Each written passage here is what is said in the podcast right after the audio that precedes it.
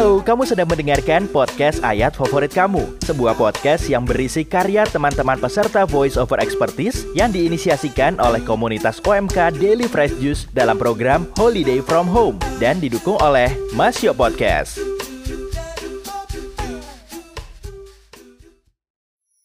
Hai, buat kamu yang lagi dengerin podcast ini, yuk semangat dan saling dukung.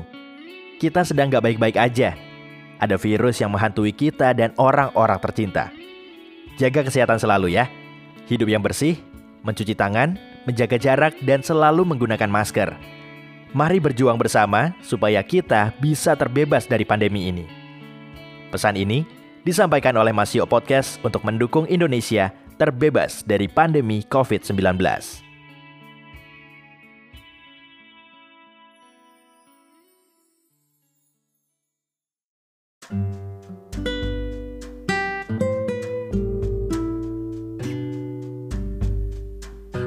Halo semuanya, salam kenal, namaku Maria Krisanti Emma.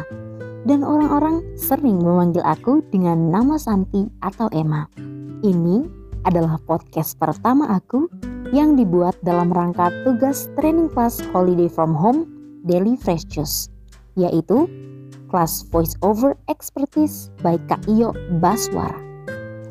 Daily Fresh Juice adalah sebuah komunitas yang berisi kumpulan orang-orang Katolik dari berbagai kalangan dan sebagian besar anak muda Katolik loh. Bukan hanya itu saja, mereka semua ini tersebar di seluruh pulau di Indonesia dari Sabang sampai Merauke yang dipersatukan dalam WhatsApp Daily Fresh Juice. Teman-teman boleh banget loh gabung dengan cara DM admin IG kita di @salamfreshjuice. Oke, okay, by the way, di podcast pertama ini aku mau sharing mengenai ayat favorit aku yaitu Filipi 4 ayat 6 yang berbunyi Janganlah hendaknya kamu khawatir tentang apa pun juga, tetapi nyatakanlah dalam segala hal keinginanmu kepada Allah dalam doa dan permohonan dengan ucapan syukur. Teman-teman pasti sudah banyak mendengar mengenai ayat ini.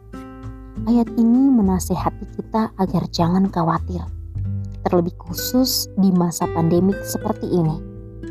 Ngomong-ngomong masa pandemi, aku menemukan ayat ini tepat pada saat bulan November 2020. Saat itu aku sedang cemas dan moodku hancur banget seharian.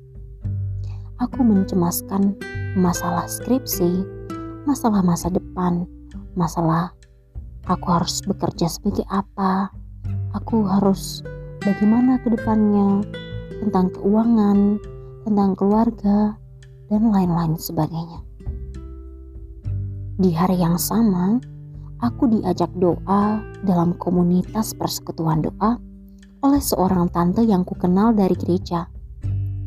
Setelah doa, aku merasa lebih tenang dan beban yang tadinya berat menjadi lebih ringan.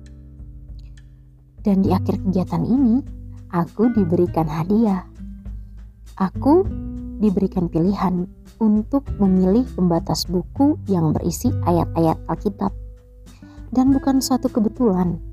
Ayat ini yaitu Filipi 4 ayat 6 yang terdapat pada pembatas buku yang kupilih. Hmm, aku sangat senang rasanya. Tuhan telah mengirimkan aku dua tanda yaitu yang pertama dari tante dan yang kedua dari ayat ini.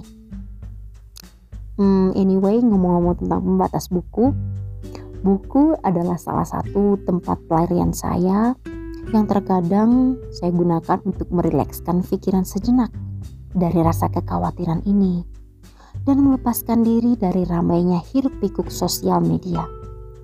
Rasa khawatir ini muncul karena kita terlalu menganggap diri kita ini kecil. Diri kita ini tidak mampu.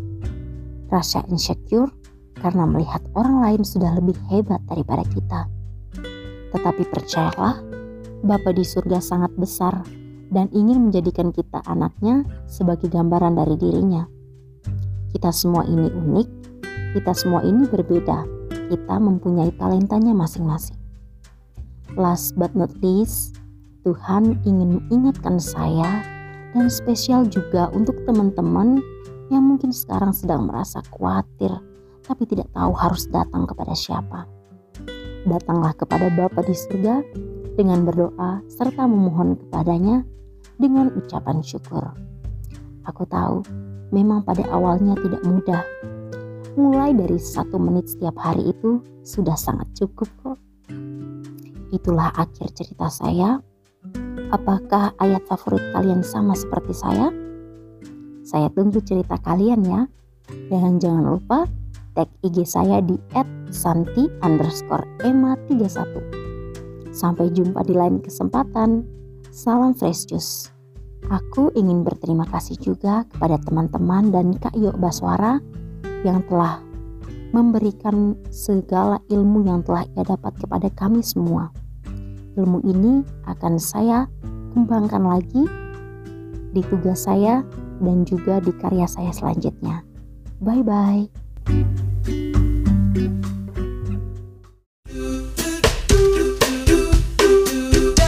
Terima kasih ya sudah mendengarkan podcast ayat favorit kamu sampai selesai. Semoga cerita dari teman-teman tadi bisa membantu kamu menemukan ayat favorit kamu sendiri dan merefleksikannya pada aktivitas sehari-hari.